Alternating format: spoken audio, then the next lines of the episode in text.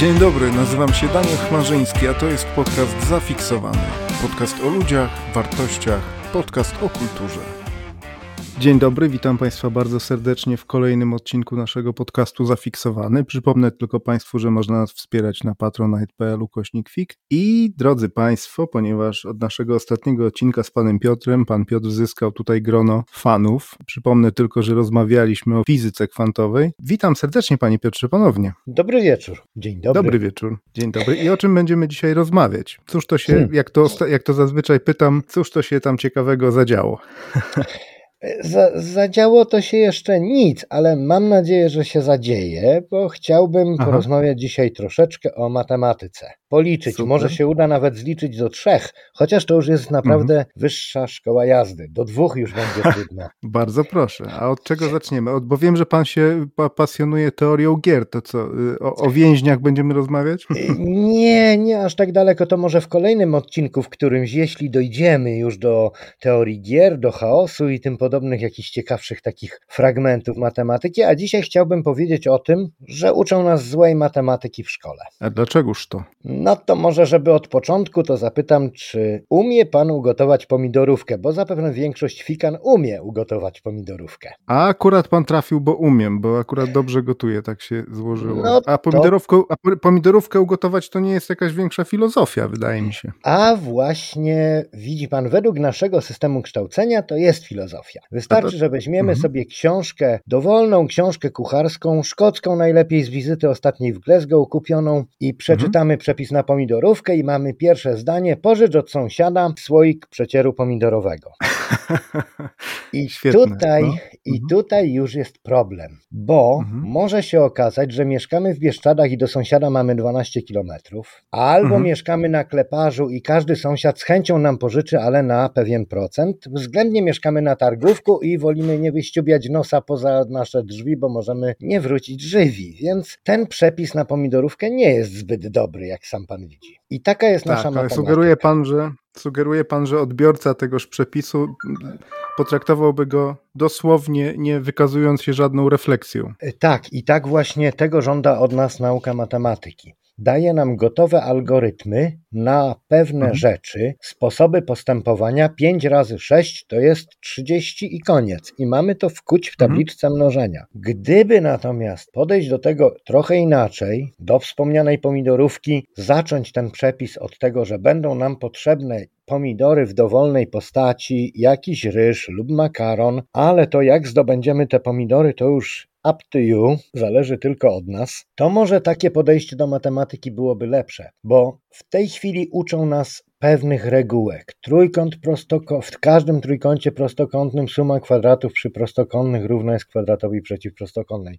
co oczywiście nigdy w życiu się nie przyda. Taka regułka w takiej postaci, bo nie mówię, że trójkąty prostokątne się nie przydadzą, ale regułka matematyczna się nam do niczego nie przyda. Podobnie takie próby zaimplementowania matematyki w życiu codziennym, czyli nieszczęsne zadania z treścią. Pociąg jedzie ze stacji do stacji i po drodze wysiadają, wsiadają ile kilometrów. To są też pewne schematy, No to była których... zmora, muszę przyznać. Nie wiem, czy tylko dla mnie, ale podejrzewam, że Nie, nie to tylko. dla wszystkich. To dla wszystkich była zmora, ponieważ to są pewne schematy, które nie mają się nijak do rzeczywistości i nie zezwalają przede wszystkim na jedno, na odkrywanie samemu algorytmów. A moim zdaniem to jest najważniejsze. Jeśli poznamy, jak coś osiągnąć, to nie będziemy się musieli uczyć różnych wariantów, jak to osiągnąć. Jeśli będziemy wiedzieli, że na przykład, chociażby wracając do nieszczęsnej tabliczki mnożenia, gdybyśmy uczyli ją w postaci klocków Lego i zrobili pięć rządków po sześć klocków, takich pojedynczych, no nazywaną, każde- przepraszam, by the, by the way, na marginesie, nazywaną na przykład we Francji czy w Rosji tabliczką Pitagorasa. Tak, tak, tak, oczywiście. I mielibyśmy wówczas takiego dzieciaka, który zbudował sobie z klocków Lego prostokącik o wymiarach 5 na 6, może paluszkiem policzyć i wyjdzie mu 30. I zapewniam pana, że on łatwiej zapamięta to 30, albo przynajmniej w jaki sposób do tej 30 dojść, niż uczenie się na siłę tabliczki mnożenia 5 razy 6 równa się 30, czy też może bardziej koszmarne tam 7 razy 8. to już wiadomo, mhm. że to było, to było zawsze zgrozą. No pan I... uczy informatyki. Jak to jest z tymi studentami? Da się ich nauczyć tak abstrakcyjnego myślenia? Przede wszystkim trzeba oduczyć ich myślenia. Oduczyć ich myślenia szablonowego. To jest, to jest największa trudność, ponieważ każdy przypuszcza, że zdrowy rozsądek to jest najwłaściwsza rzecz pod słońcem, a nie ma gorszej rzeczy niż zdrowy rozsądek, bo on zabija ciekawość, zabija wątpienie w różne prawdy oczywiste, prawdy objawione. I tutaj jest, tu jest problem nie tylko matematyki, informatyki, ale to jest problem ogólnie całego szkolnictwa. No, ile razy, w ilu zdaniach wykorzystał pan Grzeg Żółkę w swoim życiu? No, nie Niewielu. przypuszczam, żeby pan na, napisał chociażby jeden wiersz z Grzeg Żółką, no chyba, że był to wiersz typowo edukacyjny, nastawiony na polonistykę. I nie, podobnie jest nie właśnie, napisałem. I podobnie jest z innymi zasadami języka polskiego, że przed i nie stawiamy nigdy przecinka, co jest absolutną bzdurą, ponieważ zdarzają się zdania, gdzie ten przecinek przed i wstawiamy i to wcale nie Oczywiście. przy powtórzonym i, bo może być przed mhm. pierwszym i, mhm. i tak, jest, tak jest w zasadzie w każdej dziedzinie. Czego się nie tknie w tym systemie edukacyjnym, to jest to system edukacyjny, który mam wrażenie, że traktuje wszystkich uczniów jak pół idiotów, którym trzeba wkuć, którzy, którzy muszą wkuć pewne regułki i później ślepo je wykonywać. Co zresztą później mhm. przynosi efekty w, w postaci chociażby procedur wykonywanych przez naszych medyków,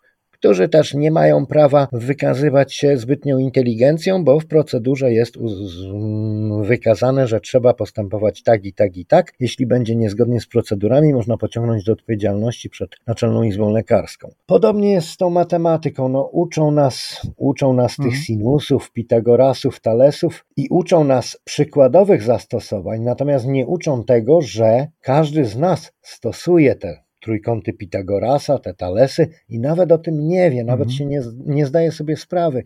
Stawiamy półeczkę, wieszamy półeczkę na ścianie, musimy zrobić podpórki, no mhm. no mamy trójkąty prostokątne. Mamy, tylko że. 5, 12, znowu... 13, 7, 24, 25, tak? tak, no różne, różne tam 3, 4, 5, najprostszy trójkąt. 3, 4, 5, ten słynny, tak, no to to jest tak, egipski. Tak, ale, ale chodzi o to, że matematyka nas do tego nie przygotowuje, żebyśmy samemu szukali rozwiązań. Matematyka nas mhm. przygotowuje do tego, żebyśmy nauczyli się 12 zadań z treścią, teoretycznie każde z innej parafii, żeby służyło do czegoś innego, a tak naprawdę one są kompletnie nieprzydatne, bo one nie uczą analitycznego myślenia, uczą tylko myślenia odtwórczego i, i to jest tragedia. Mhm. No ale może wrócimy do tych liczb, do liczenia, żeby nie Bardzo przeciągać. Proszę. No właśnie, bo ciekawi mnie Pana koncepcja tutaj, jaką Pan ma jakby wizję i jakie rozwiązania. Wizję, wizję to mam taką, żeby po prostu zaciekawić. To jest sposób, który przez długie lata pracy nauczycielskiej praktykowałem, że jeśli się zaciekawi uczniów czymś, to nie trzeba ich uczyć, bo oni sami się będą chcieli uczyć. I mhm. może chciałbym zaciekawić w ten sposób tą nauką, że na początek powiem, że tak, przed wszechświatem to nie było nic. Nawet zera nie było, bo jeśli jest zero mhm. wszechświatów, to musi być jeden wszechświat i tam jakaś może inna liczba tych wszechświatów. Przed wszechświatem. Zabrzmiało, przepraszam, przez chwilę zabrzmiało jak Tischner, jak na początku nie było nic. Tak, tak, tak. tak. Była pustać. Była pustać. No. Tak. I ta pustka w, sta mhm. w staropolskim puszcza, stąd w pustyni w puszczy. Mhm. Ta pustka to jest podstawa, bo dopiero z tej pustki można wyciągnąć jakieś konkretne liczby. Czyli z tego możemy wytworzyć, że jest wszechświat, no to mamy jedynkę. Albo wszechświata nie ma, to mamy zero. Ale dopiero z tej mhm. pustki to się nam wyłoniło. Oczywiście. Mhm. Między zerem a jedynką. Pan mhm. Conway mhm. się zajmował tymi tworzeniem liczb, nie samymi liczbami, ale całym systemem tworzenia liczb. On to w bardzo sprytny sposób konstruował, jak tworzyć dowolne liczby. Nie będę tego tutaj omawiać, bo to no, nie na mhm. tym rzecz polega, ale mamy 0 i 1. No to jak mamy 0 i 1, no to możemy wypośrodkować coś pomiędzy to będzie pół. Ale jak to pół, jak spojrzymy sobie tak z góry na tę naszą 0, po prawej 1, po środku pół, to to pół można równie dobrze przenieść na prawo od jedynki i będziemy mieli półtora. I mhm. później mhm. można jeszcze dzielić na połówki, to pół, wyjdzie ćwierć, trzy czwarte i w ten sposób możemy sobie stworzyć wszystkie możliwe liczby, a nawet więcej ale to, że więcej, to może w mhm. następnym odcinku, bo może być więcej liczb niż sobie wyobrażamy. 10 więcej do setnej, nawet. Ten Google, słynny Google. No, nie, nie, nie, nie, nawet więcej niż nieskończoność. Nawet więcej niż nieskończoność nieskończoności liczb może być. Quintyliony, Ale... się, quintyliony się chowają. Mhm.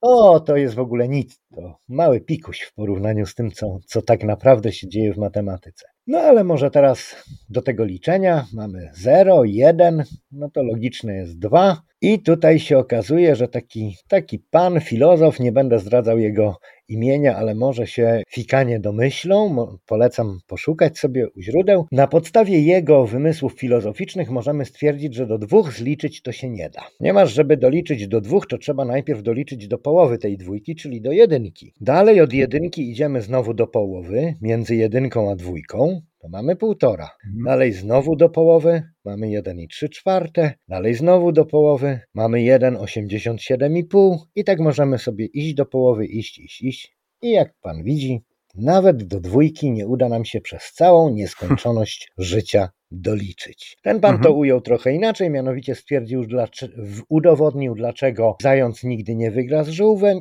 z żółwiem ani dlaczego mhm. nie możemy zginąć od strzały. Na podobnej mhm. zasadzie strzała musi dolecieć do połowy, później do połowy, do połowy, więc jesteśmy spokojni i bezpieczni, że strzała do nas nigdy w życiu nie doleci. Mhm. to jest trochę naciągane. Wiadomo, że tak nie jest, to już są pewnego rodzaju takie bardziej zaawansowane narzędzia matematyczne, szeregi, ciągi, ale o mhm. tym to, już nie będziemy mówić. No w każdym razie. No, może, kiedyś, na... może kiedyś powiemy. No. Może kiedyś powiemy. No w każdym razie mam nadzieję na razie, że Państwu udowodniłem, że nawet do dwóch zliczyć się nie da. No i wszyscy ci, którzy nie są matematykami, powinni teraz się cieszyć, hurra, nie umiem zliczyć do dwóch, czyli jestem absolutnie normalny. Ale oczywiście to nie jest takie wszystko proste. Liczyć sobie można do bardzo, bardzo wielu. No, I... Prawdopodobieństwo dowolnego zdarzenia zawsze zawiera się między zerem a jedynką. Tak, ale to też ostatnio zostało troszeczkę zakwestionowane. Mianowicie w trochę dygresji. W splątaniach kwantowych mamy Nasz ulubiony temat. Nasz tak, ma, mamy do czynienia z takimi dziwnymi rzeczami, gdzie prawdopodobieństwo teoretycznie wyliczone pewnego splątania, które się ładnie nazywa splątaniem nadkwantowym, jest dużo większe niż jakiekolwiek prawdopodobieństwo, które byśmy sobie wyliczyli. Ale to już jest temat na fizykę. No w każdym razie to prawdopodobieństwo między zerem a jedynką to też tak do końca prawda nie jest. I to jest właśnie no, to, proszę. co mówi mój ukochany pan profesor Feynman, żeby zawsze wątpić we wszystko, spróbować się przekonać, czy tak jest naprawdę, dowieść albo obalić jakąś tezę. A czy 2 plus 2 to 4? Bo słyszałem, że studenci matematyki dowiadują się na pierwszym roku, że niekoniecznie. A nie, to, to wiadomo, że to niekoniecznie. Wie pan, to jest trochę, trochę tak, że w różnych matematykach to jest różnie, bo matematyk, znaczy może nie w różnych, w różnych definicjach, które sobie przyjmiemy, w jakichś podstawach. Bo chociażby, dobrze pan wie z matematyki i nasi widzowie, którzy z matmy mieli coś więcej niż y, dopuszczający też zapewne wiedzą, jak obliczamy odległość między dwoma punktami. No bierzemy sobie współrzędne, na osi rysujemy trójkąt prostokątny i bierzemy sobie pierwiastek sumy kwadratów współrzędnych. Czyli mhm. odległość między A i C, kiedy boki tego trójkąta to są 3, 4, 5, to odległość wynosi 5. No i mhm. to by wydawało się całkowicie logiczne, a wcale tak nie jest. Są takie dziedziny matematyki, gdzie odległość w trójkącie prostokątnym między mm, wierzchołkiem A a wierzchołkiem C naprzeciw prostokątnej wynosi suma bo sumę boków, czyli odległość między punktem A i C w wypadku tego trójkąta 3, 4, 5 będzie równa 7, a nie 5. To trochę nielogiczne, ale tylko na pozór. Z taką matematyką o tak zwanej metryce detaksji spotykamy się na co dzień. Wystarczy sobie spojrzeć mhm. na plan miasta z góry. Odległość między dowolnym punktem a dowolnym innym punktem wcale nie jest linią prostą, która jest przekątną jakiegoś prostokąta o jakichś współrzędnych. Tutaj odległość między punktem A i C jest równą, w, równa właśnie sumie współrzędnych. My musimy jeździć prostopadłymi do siebie, no najczęściej prostopadłymi do siebie uliczkami. I mhm. odległość mhm. w takim trójkącie będzie równa sumie długości boków, czyli będzie w jedną stronę jedziemy 3 km, w drugą drugą 4, mamy 7 km, a po linii prostej byłoby 5. a taksometr Hmm. nas naliczy za 7 kilometrów. Więc nawet tak abstrakcyjne jakieś wydawałoby się matematyki o jakichś bardzo dziwnych regułach liczenia odległości mają Mhm. zastosowanie w życiu codziennym. To tak z grubsza jest z tą matematyką. Oczywiście tych matematyk jest bardzo dużo, no chociażby jak pan doskonale wie, suma trójkątów, suma kątów w trójkącie wynosi 180 stopni, prawda? Mhm. No, a Otóż tymczasem nie, możemy, tak? sobie, możemy sobie narysować trójkąt, w którym ta suma będzie równa na przykład 190 albo 270 i też będzie dobrze i to też będzie trójkąt. Wystarczy narysować ten trójkąt na globusie. I tutaj suma kątów już się nie będzie zgadzała. Możemy mieć trzy kąty po 90 stopni. Zakładam, że jeden wierzchołek jest na biegunie północnym, jeden na przecięciu równika z y, południkiem 0 i jeden na długości 90 stopni. Mamy trójkąt, mamy trójkąt, każdy kąt będzie po 90 stopni, czyli mamy trójkąt, który ma 270 stopni sumę kątów. Wystarczy tylko zgiąć przestrzeń i już będziemy mieli trójkąty o zupełnie innych właściwościach. Więc takie to jest kolejny dowód na to, że nasza matematyka, która każe nam się nauczyć, że suma trójkątów w każdym trójkącie równa się 180 stopni, to może nie to, że to jest błędny wynik. Oczywiście on jest całkowicie poprawny, ale tylko na płaszczyźnie. A ile razy spotykamy się z rzeczami, które, które są bardzo dalekie od płaszczyzny, chociażby musimy okleić nasz samochód, jakąś bardzo Mhm. ładną, błyszczącą okleiną, czy wręcz karbonową folią. I co? I wtedy będziemy sobie na płaskim, na, na dywanie rysować na tej folii jakieś tam wzory dotyczące naszego samochodu, będziemy rysowali kąty, przyłożymy i się okaże, że no niestety, ale to, no abla, to nie działa tak, jak powinno działać. Także tej Mhm. matematyki powinniśmy trochę się otworzyć na to, że w matematyce nie chodzi o wzory, nie chodzi o algorytmy, chodzi tylko o to, jak dotrzeć do rozwiązania problemu. To jest nawet ważniejsze często niż samo udowodnienie. Czy pan tę wiedzę przekazuje swoim studentom, uczniom? Tak, jak najbardziej. Zawsze zaczynamy jakiś problem, nigdy nie zaczynamy go od algorytmu. Zawsze zaczynamy od tego, czy dany problem da się ugryźć, czy nie da się ugryźć. Robimy sobie jakąś burzę mózgów, milion pomysłów, później dzielimy się na grupy, każda grupa weryfikuje jakiś tam pomysł i dochodzimy teza, antyteza, synteza, dochodzimy jak w Mhm. rejsie do jakiegoś To jest nowa koncepcja sztuki. Tak, słuszna zresztą. Mhm. Słuszna jak droga naszej partii. Nie wiem, czy Otóż coś to, jeszcze no- opowiadać, ale nie chciałbym zanudzić w tym pierwszym Nie, odcinku nie, no to wszystko jest matematycznym. arcy, arcyciekawe, a my dopiero rozmawiamy kilka minut, także panie Piotrze, Leonardo Spizy, ciąg Fibonacciego, nie wiem, liczba phi. Tak, to są, to są szalenie ciekawe rzeczy. Akurat y, liczba phi, która jest no, taką świętą liczbą we wszechświecie, ona się pojawia w słonecznikach, w muszlach i tam w mnóstwie innych Mhm. rzeczy. Złoty podział. A tak, ale chciałbym do niej dotrzeć troszeczkę później, a zacząć Pewnie, od trudniejszych sobie. rzeczy. Mhm, mhm, mhm. Zacząć od całkowania na przykład. No. Przecież to jest koszmar, prawda? Rachunek różniczkowy, komu by to się w życiu przydało? Przez No. grzeczność nie zaprzeczę.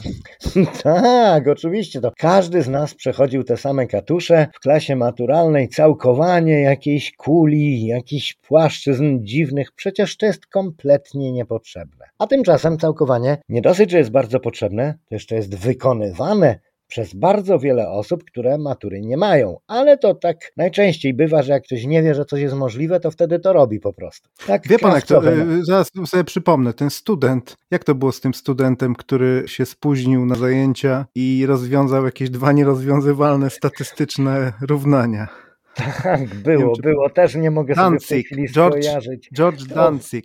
Tak, tak, tak. I on się spóźnił tak. na zajęcia i Mhm. wziął to, co jest na tablicy za pracę domową i ją tak, rozwiązał. I rozwiązał. Tak. Bo, czemuż by Tak nie? było. No. Tak. To wracajmy może do naszego strasznego całkowania, bo nie dosyć, że słowo, które nam się kojarzy tylko i wyłącznie z całowaniem, a na pewno nie z matematyką, to jeszcze jakieś Mhm. skomplikowane wzory, gdzie tam jakieś węże się wiją, są jakieś granice, nie wiadomo o co chodzi, się potęgi podnosi albo zmniejsza. Przecież to jest Mhm. koszmar. Mhm. Ale nie taki koszmar do końca. Jeśli mamy złą krawcową i każemy jej uszyć sukienkę, no to ona Mhm. powie, że tak, no jest pan wysoki na przykład na 2 metry, to potrzebujemy 4 metry materiału na sukienkę. Dwie wysokości, naprzód i na tył. I Mhm. tak zrobi zła krawcowa. Krawcowa, która jest nieco cwańsza, też co prawda powie, że potrzebuje pieniędzy na 2 metry, ale jednak zacznie próbować kombinować, jakby tu zaoszczędzić. I coś umieści po skosie, coś wepchnie Mhm. jakiś rękawek gdzieś tam w jakąś dziurę w dekolcie, żeby to bardziej zmieścić. I Pójdzie na się skrót. okaże, że Mhm. jej wystarczy 1,70 m.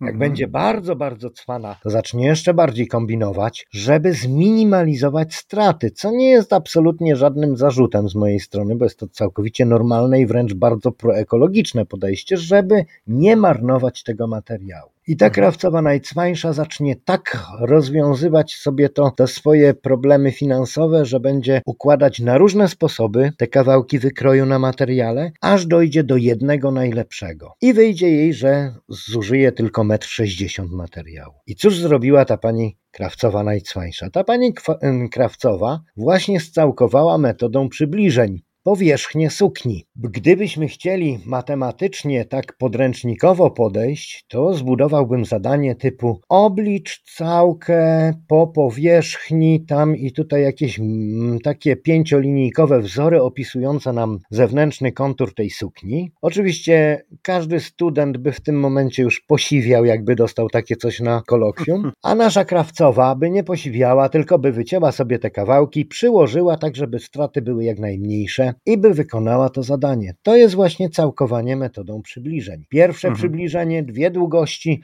wyszły dwa metry. Drugie przybliżenie, trochę gęściej upakowane, czyli trochę bardziej to pole materiału jest zajęte polem tego wykroju. To już tak trochę Mhm. bardziej pasuje. Jeśli jeszcze bardziej, jak dojdziemy w końcu do granicy, że już bardziej się nie da, no to jest najlepsza całka przybliżona jakiejś tam powierzchni. Czyli co? Krawcowa umie całkować. Mhm. Wszystkie krawcowe, No to wychodzi. jak domyślam się, w tej chwili skaczą z radości, że umieją całkować. Nawet nie wiedziały o tym. tak, całe życie prozą. Dobrze. No No nie wiem, czy- coś Mhm. jeszcze poopowiadać o tym? Tak, tak. no tak. może, może tak, może o... Skoro liczba phi, to może liczba pi. Bodajże Pi. Einstein się uro urodził tego 13 marca, tak. Dobrze mówię? A, a Leibniz zmarł? Leibniz? Czy mi się coś już... No nie, nie pamiętam, ale tam było kilka z, z liczbą pi z narodzin. Hawking, śmierci. przepraszam. Hawking, Hawking, Hawking tak. zmarł Tak, w dzień 14 liczby marca, pi, tak, tak. a Einstein się urodził w dzień liczby pi. Mhm. Mhm. Tak, no liczba pi wcale taka ciekawa nie jest. Może jedyne, co jest w liczbie pi ciekawe, to to, że ona jest bardzo powiązana z innymi liczbami, z e, z fi, ale to wszystko wymaga te, te liczby, może od prostszej liczby, od No, jako, ciekawostka, najważniejszej. jako ciekawostka, że wiem, że pamiętam, że obwód piramidy Cheopsa, jak się podzieli przez podwójną wysokość, to się to otrzymujemy pi właśnie.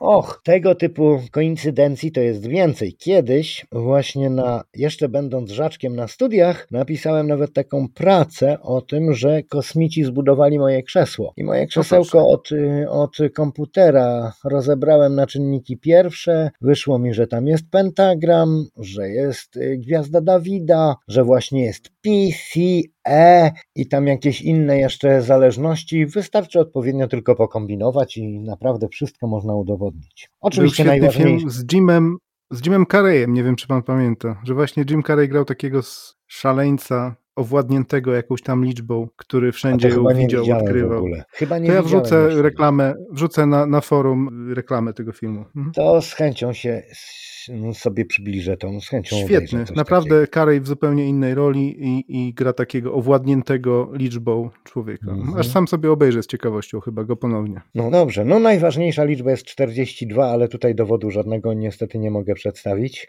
Wszyscy miłośnicy Adamsa wiedzą, że tego dowodu nie możemy przedstawić, bo jesteśmy za głupi po prostu. Mhm. Ale moim zdaniem ciekawą liczbą jest też liczba 73. To jest taka bardzo ważna Mhm. liczba w matematyce, bo jak zamienić jej cyferki, to wychodzi 37. No i to jest też bardzo ważna liczba w matematyce. Jeśli policzymy, którą liczbą pierwszą jest 73 i którą liczbą pierwszą jest 37, to się okazuje, że te kolejności też wystarczy, że zamienić w nich cyferki i też będzie się zgadzało. 12 i 21 liczba pierwsza. To jest taka ciekawa koincydencja, ale jest osobny dział matematyki, który się tym zajmuje i tam jest między innymi bardzo ciekawy dowód na to, że każda liczba jest liczbą magiczną w jakiś tam, pod jakimś tam względem. No ale może, Student, może ma, fakt... Studenci matematyki, no to co? Przestrzeń Banacha to pewnie znane pojęcie.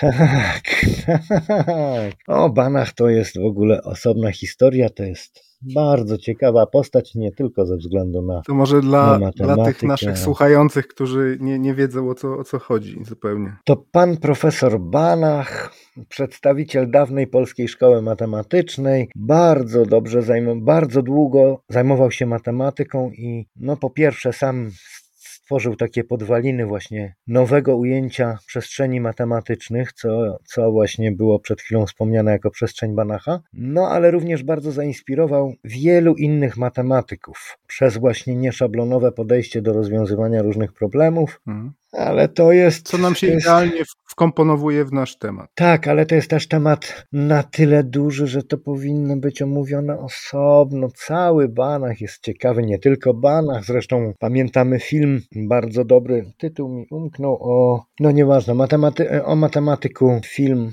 też dziury w pamięci, to już tak piękny, piękny umysł. No, piękny umysł, o właśnie, piękny tak. umysł. Mhm. No i próby rozwiązania na przykład ruchów gołębi. No to wydaje się zadanie głupie, mhm. bo co komu po ruchach gołębi, ale okazuje się, że to wcale takie głupie nie jest, ponieważ tego typu symulacje, zajmowanie się ruchami przypadkowymi bardzo często pomaga ludziom uniknąć katastrof, chociażby obliczanie tego, jak będą się zachowywać ludzie e, na stadionie, na którym mhm. e, wybuchnie pożar, czy bomba zostanie wrzucona, w którą stronę się rzucą, które wejścia będą bardziej oblegane. Także takie pozornie dziwne zagadnienia matematyczne mają bardzo, bardzo dużo sensu, bardzo dużo, bardzo dużo zastosowań. Przewidywanie prognozy no to pogody. Od dziwnych, od dziwnych trudnych zagadnień możemy przejść do trudnych pytań na przykład. Może pan Piotr by nam odpowiedział na kilka pytań Fermiego.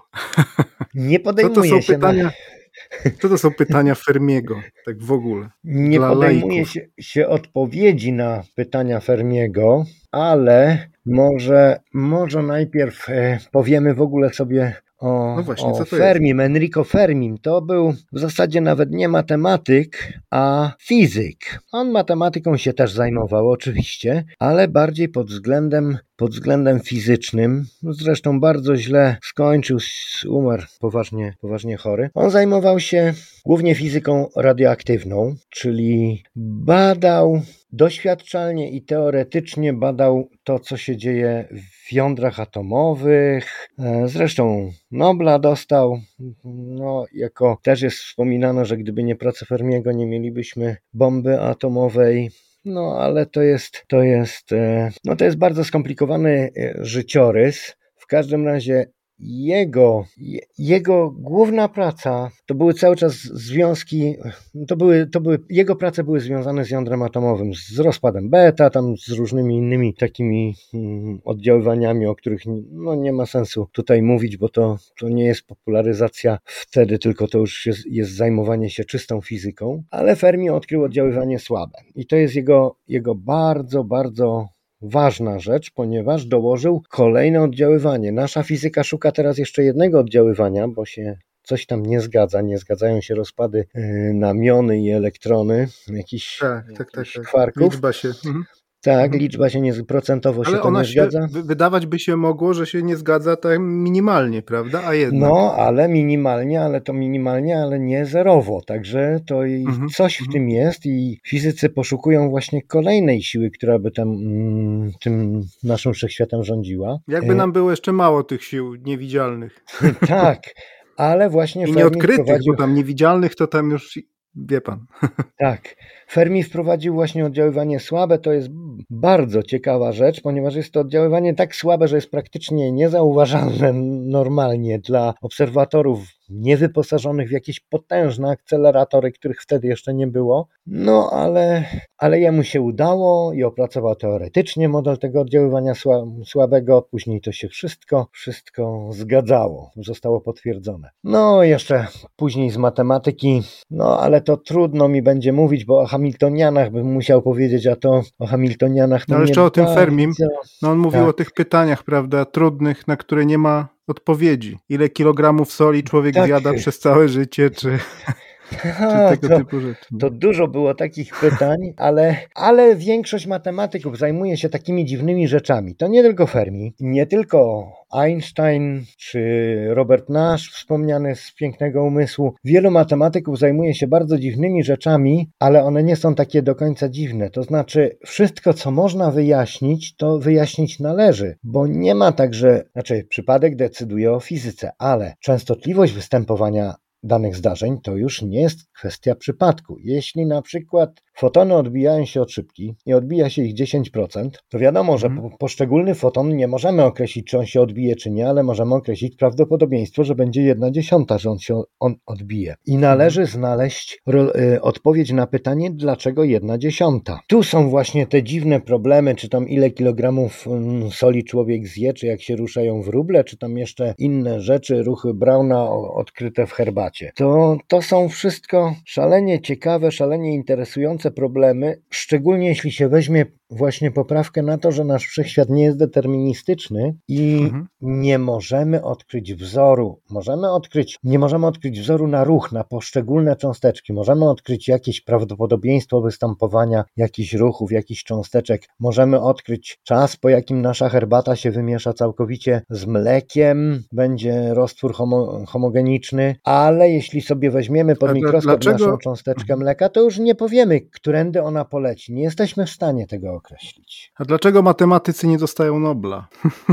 A to już, to już pytanie do pana Nobla, który nie uznawał matematyki. Podobnież, Tak? podobnież jego żona zdradzała go z matematykiem i dlatego stąd jego No, zemsta. takie, takie mm, istnieją takie e, teorie. Istnieją też wyjaśnienia, że matematyka nie jest w stanie przysłużyć się pokojowi, bo jest zbyt abstrakcyjną nauką.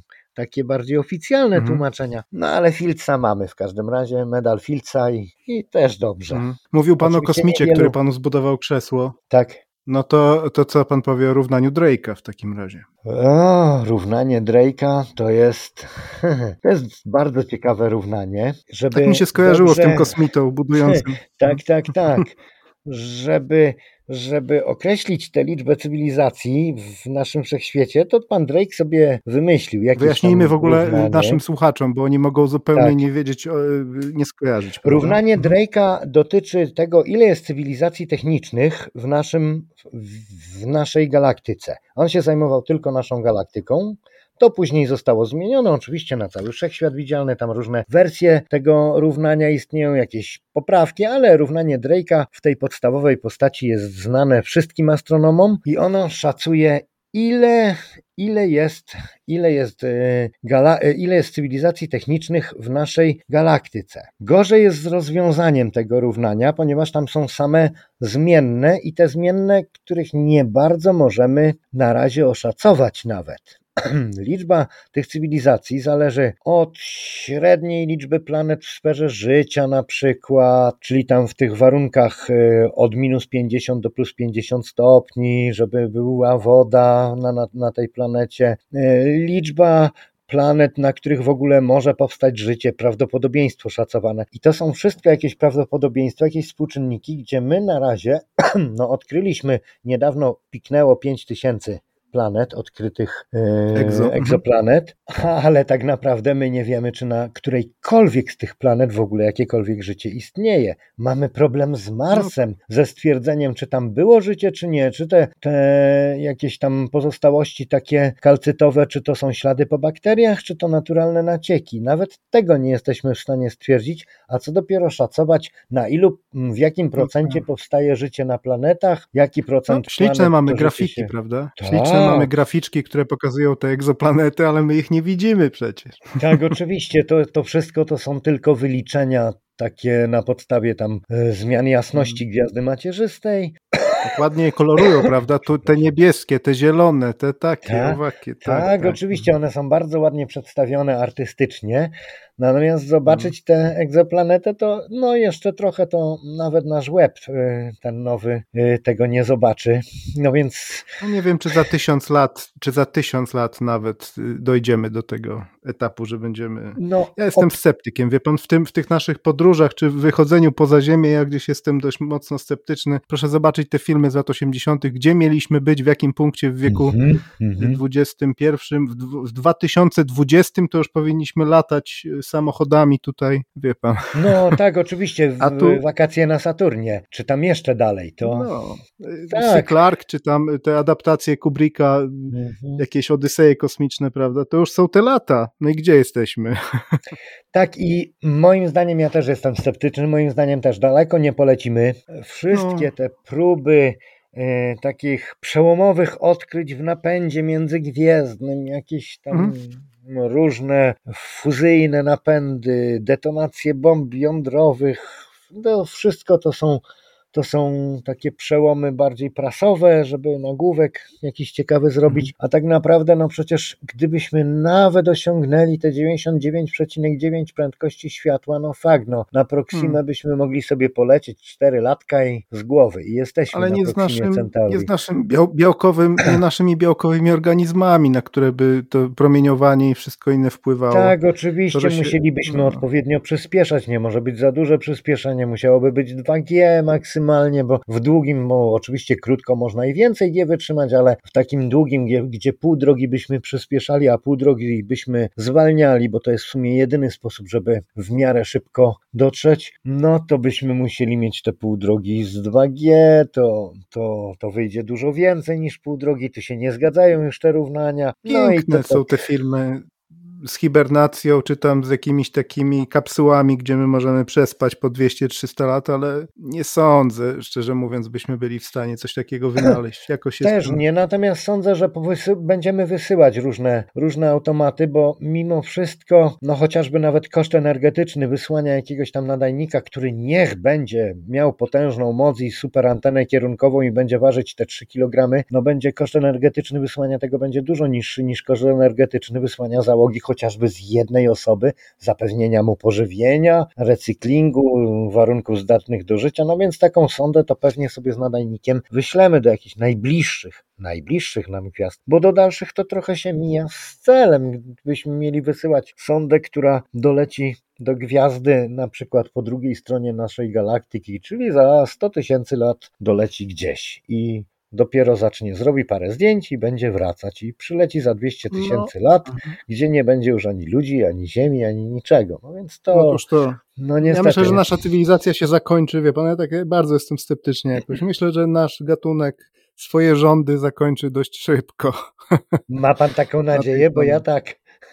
Ja mam nadzieję, że, że, że, jeszcze tak, no, że można jeszcze tę piękną gaję y, jakoś uratować przy, tak. przed naszym niszczycielskim.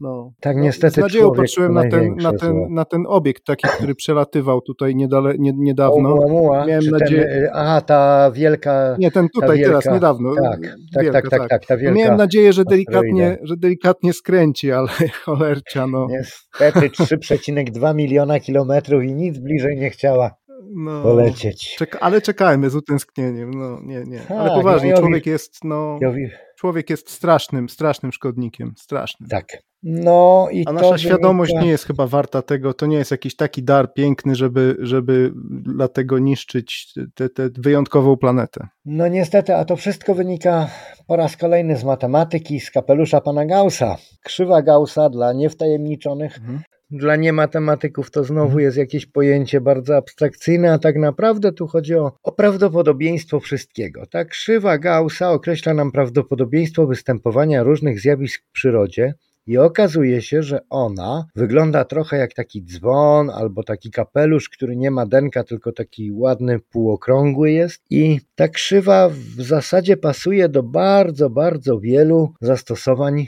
niematematycznych. Na przykład możemy sobie określić średni wzrost człowieka. Wyjdzie tam, no przypuśćmy, metr Mhm. 70 i tych jest najwięcej, czy też to jest wartość średnia. Okazuje się, że dużo osób ma w pobliżu metr 70, mniej jeszcze w pewnych granicach, a bardzo mało jest osób, które mają metr 50 i bardzo mało jest osób, które mają 2,20. I to tak symetrycznie Mhm. po obu stronach tego szczytu y, się układa. I to również dotyczy niestety zjawisk psychologicznych, socjologicznych, rozkładu średniego ilorazu inteligencji, rozkładu na przykład świadomości społecznej, świadomości ekologicznej, to ten kapelusz Gaussa pasuje naprawdę do bardzo wielu do bardzo wielu dziedzin i jeśli tak przyłożyć to chociażby do świadomości tego, tej troski o naszą planetę, to wyjdzie, że mamy bardzo mało osób, które, którym naprawdę zależy, bardzo mało osób, którym, które chciałoby zniszczyć, a cała większość jest pośrodku, którym jest to w zasadzie obojętne. Czy mamy ocieplenie, czy nie mamy? No przecież ocieplenie niby klimatu idzie, a sezon grzewczy się kończy